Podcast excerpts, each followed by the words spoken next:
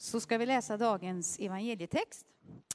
Det är ifrån Matteus, det 25 kapitlet med början på vers nummer 14. Eh, det blir nämligen som när en man skulle resa bort och kallade till sig sina tjänare och lät dem ta hand om hans egendom. Den ena gav han fem talenter, den andra två, den tredje en, åt var och en efter hans förmåga. Sen reste han därifrån. Den som hade fått fem talenter gav sig genast iväg och gjorde affärer med dem så att han tjänade fem till. Den som hade fått två talenter eh, tjänade på samma sätt två till. Men den som hade fått en talent gick och grävde en grop och gömde sin herres pengar. Efter lång tid kom tjänarens herre tillbaka och krävde redovisning av dem. Den som hade fått fem talenter kom och lämnade fram fem till och sa Herre, du gav mig fem talenter, här är fem till som jag har tjänat. Hans herre sa Bra, du är en god och trogen tjänare. Du har varit trogen i det lilla, jag ska anförtro dig mycket. Gå in till glädjen hos din herre. Den som hade fått två talenter kom fram och sa Herre, du gav mig två talenter. Här är två till som jag har tjänat. Hans herre sa, bra, du är en god och trogen tjänare. Du har varit trogen i det lilla, jag ska anförtro dig mycket. Gå in till glädjen hos din herre. Den som hade fått en, en enda talent steg fram. Herre, sa han, jag visste att du är en hård man som skördar där du inte har sått och samlar in där du inte har strött ut. Jag var rädd och gick och gömde min talent i jorden. Här har du vad som är ditt. Hans herre svarade honom. Du är en slö och dålig tjänare. Du visste att jag skördar där jag inte har sått och samlar där jag inte har strött ut. Då skulle du ha lämnat mina pengar till banken så att jag hade kunnat få igen dem med ränta när jag kom. Ta nu ifrån honom talenten och ge den åt mannen med de tio talenterna. Var och en som har, han ska få, och det i överflöd. Men den som inte har, från honom skall, skall tas också det som han har. Kasta ut den oduglige tjänaren i mörkret där ute. Där ska man gråta och skära tänder. Amen. Församlingen har haft eh, i veckan här ungdomsläger. Så, eh, och på raderna här längst fram sitter ett gött gäng alltså, som tror jag har varit med på lägret. Och det är ett, ett väldigt bra betyg för er ledare som har varit med i lägret att efter en veckas läger att de är här på söndag förmiddag. Det betyder att ni har haft det väldigt bra gemenskap och saknar varandra redan. Så Elin Jonathan, bra jobbat. Håll er därför vakna. Det blir nämligen som när en man skulle resa bort och kallar till sig sina tjänare och lät dem ta hand om hans egendom. Jesus ger oss Guds rikes perspektiv på det till oss utifrån att skaparberättelsens ord om att Gud är skaparen och människan får bruka och vårda skapelsen. Så helt enkelt, om jag ska verkligen förenkla hela min predikan. I en kristen världsbild så spelar det roll vad vi gör med det som ges till oss. Andra världsbilder har andra drivkrafter. Kanske inte i praktiken, men i teorin så spelar det inte så stor roll vad man gör med det som ges till en. Har du fått fem talenter? Har du fått två? Har du fått en? Det är inte den viktigaste frågan. Utan liknelsen handlar om vad vi gör med det som har getts till oss utifrån var och ens förmåga, som Mästaren sa. Författaren Ola Wong skriver i sin bok ”Pekingsyndromet” om hur pengar och makt formar det gigantiska landet. Han menar att Pekingsyndromet har drabbat generationer av kineser och hela den nuvarande politiska ledningen. Att när plågoanden dör idoliserar gisslan honom och ser sig själv som bleka kopior och arvtagare. De som lider av Pekingsyndromet är präglade av totalitarismens grundtanke. Det finns ingen lag, det finns bara makt.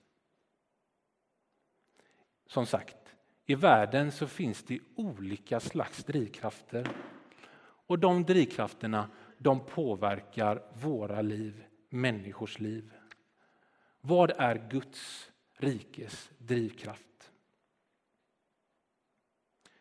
taktiken hos sådana som mig och hos oss i kyrkan till att få människor som er att förvalta era liv har varit olika. Fokus har legat på att skrämma. Jesus kommer snart tillbaka. Det har funnits att försöka locka. Det finns inget bättre. Men kanske är realism en visare väg. Om nu Gud finns om nu Gud är god, han är kärleksfull och han är helig, så är det väl ganska klart att det spelar roll vad vi gör med det som har getts till oss. Jag tänker att det inte hjälper speciellt mycket om jag försöker stå här framme och skrämma er. Då kanske det blir, jag var rädd och gömde min talent. Eller om jag bara försöker inspirera er med så catchigt tal som möjligt. För vad händer när inspirationen tar slut? Ja, vi kanske går och gömmer vår talent. Men om Gud är god, om Gud är kärleksfull och är helig, då är det inte konstigt att det finns en fråga till dig och mig. Vad gör vi med det som har getts till oss? Guds rikes drivkraft är vem Gud är. Guds kärlek, den är ofattbar. Dagens text som Marie läste är en del av ett längre tal som Jesus håller. Ett tal som kan ge, ges titeln Talet om tidens slut. Direkt efter den liknelse som vi idag har hört om talenterna så ger Jesus en häpnadsväckande beskrivning om sin nära relation till människan. Jag var hungrig och ni gav mig att äta. Jag var törstig och ni gav mig att dricka. Jag var hemlös och ni tog hand om mig. Jag var naken och ni gav mig kläder. Jag var sjuk och ni såg till mig. Jag satt i fängelse och ni besökte mig. Och så ställer de frågan som man verkligen kan säga och fråga. När såg vi dig och när gjorde vi detta? Och så säger Jesus. Sannerligen, vad ni gjort för någon av dessa minsta som är mina bröder, det har ni gjort för mig. Alltså Gud knyter så starkt an till sin skapelse så att när vi lider, då lider Gud. När vi sträcker ut en hand mot någon som behöver en utsträckt hand så sträcker vi ut handen mot Jesus. Så mycket älskar Gud världen. Så mycket älskar Gud alla människor. Den idealiska bilden för mig som tonåring och högsta betyg, om jag fick det av en kompis som inte var kristen, så var det typ så här. Du är ju kristen, men precis som oss. Det var högsta betyg. Sen kom en period inspirerad av bibelskolor. Jag skyller allt på bibelskolan. Så var målet att försöka vara så annorlunda som möjligt. Men målet kanske istället är att försöka vara en trogen och god tjänare med det som har getts till mig och det som har getts till dig. Det får gärna vara mycket mänskligt, jättebra. Det får absolut vara annorlunda när det behövs. Men framför allt tänker jag goda och trogna tjänare. Vi går i en mans fotspår, Jesus, som antog en tjänares gestalt. Om vi nu försöker följa Jesus och talenterna och vi tittar på dem så representerar de ett brett perspektiv om vi undersöker Jesus, om det är honom vi vill följa. För Jesus han uppskattade livet. Han uppskattade festen. Vänner och relationer var viktiga för Jesus. Familjen var viktig, men inte allt. Jesus han gav sig själv till dem han mötte, men drog sig också undan för att be. Han bad för de sjuka. Han hade ett uppdrag. Och det är en del av Guds rike. Men relationer, tid, talanger, egenskaper, pengar är också talenter och en del av det som har getts till oss. Alltså allt som du har fått. Så tänker jag. Sen kommer man inte ifrån att det finns någonting oroväckande obekvämt med Jesus. För Jesus utmanar mig i det bekväma som tyvärr oftast ligger mycket närmare än att drivas av Guds rikes perspektiv och att förvalta det som har getts till mig. Men Gud är inte en bit i mitt egna livspussel utan han skakar om hela spelplanen. Så har Magnus Mann skrivit. Gud är inte en bit i mitt eget livspussel utan han skakar om hela spelplanen. Det betyder inte att Gud är ointresserad av ditt liv, att det skulle vara oviktigt med det som vi så slarvigt kallar världsligt, det världsliga. Men i Guds perspektiv så väcks frågan, är livet en rättighet eller en gåva? Är livet mitt eller är det Guds? Och är det en gåva och är jag inte i centrum av universum så finns ju frågan där, obekväm som den är. Vad gör vi med det som har getts till oss? Och Det här är inte något nytt. Utan det var den första kristna som antog detta. De levde med den frågan precis som vi lever med den idag. Och Petrus han skriver i ett av sina brev, sitt första brev till kristna som var lite överallt, så vädjar han till dem. Och i hans bild av världen så skulle Jesus komma snart. Han skulle komma innan han trodde han själv skulle dö. Så blev det ju inte, det vet vi ju. Men med Jesu perspektiv om att hålla oss vakna så kan vi ändå ta till oss det drivet och innehållet som finns i Petrus vädjan när han skriver så här. Men är i slutet var allting nära. Var då samlade och nyktra så att ni kan be. Framför allt ska ni älska varandra hängivet, ty kärleken gör många synder förlåtna. Var gästfria mot varandra utan att knota. Tjäna varandra var och en med den nådegåva som man har fått som goda förvaltare av Guds nåd i dess många former. Den som talar ska komma ihåg att han får sina ord från Gud. Den som tjänar att han tjänar med den styrka Gud ger. Låt Gud förhärligas i allt detta genom Jesus Kristus. Så, var vakna. Det är ingen skrämselpropaganda. Det handlar inte om var vakna annars kommer Jesus ta tillbaka och då tar han er. Som att det vore ett hot. Jag menar, det finns ett absolut ett allvar, men det är mer nåd än det är dom. Var vakna så att vi inte glömmer att vara goda förvaltare av Guds nåd i dess många former. För livet är nåd, alltså en gåva. Och det är Gud som är givaren. Och som ett gensvar på Guds kärlek visade Jesus vill vi vara med och förhärliga Gud som har gett oss allt i Jesus Kristus. Så älska varandra. Var gästfria, tjäna varandra med era nådegåvor. Gud hjälper er med orden, Gud ger er styrka. En talent, det är 15 årslöner för en arbetare. Så att det är mycket pengar. Mycket att förvalta. och de fick utifrån sin förmåga.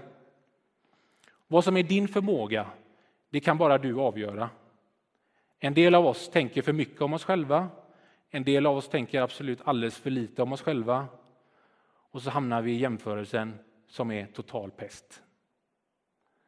Det vi kan förvalta, det är vad vi har fått. Inte vad vi inte har fått. Det kan vi inte göra så mycket åt. Men för vi kan förvalta det vi har fått. Och då får alla plats i Guds rike. Varenda en av oss. Bakom berättelsen om förvaltandet så finns också en större berättelse. En berättelse som säger att du är älskad av Gud. Att dina talenter är inte din identitet, utan du är Guds.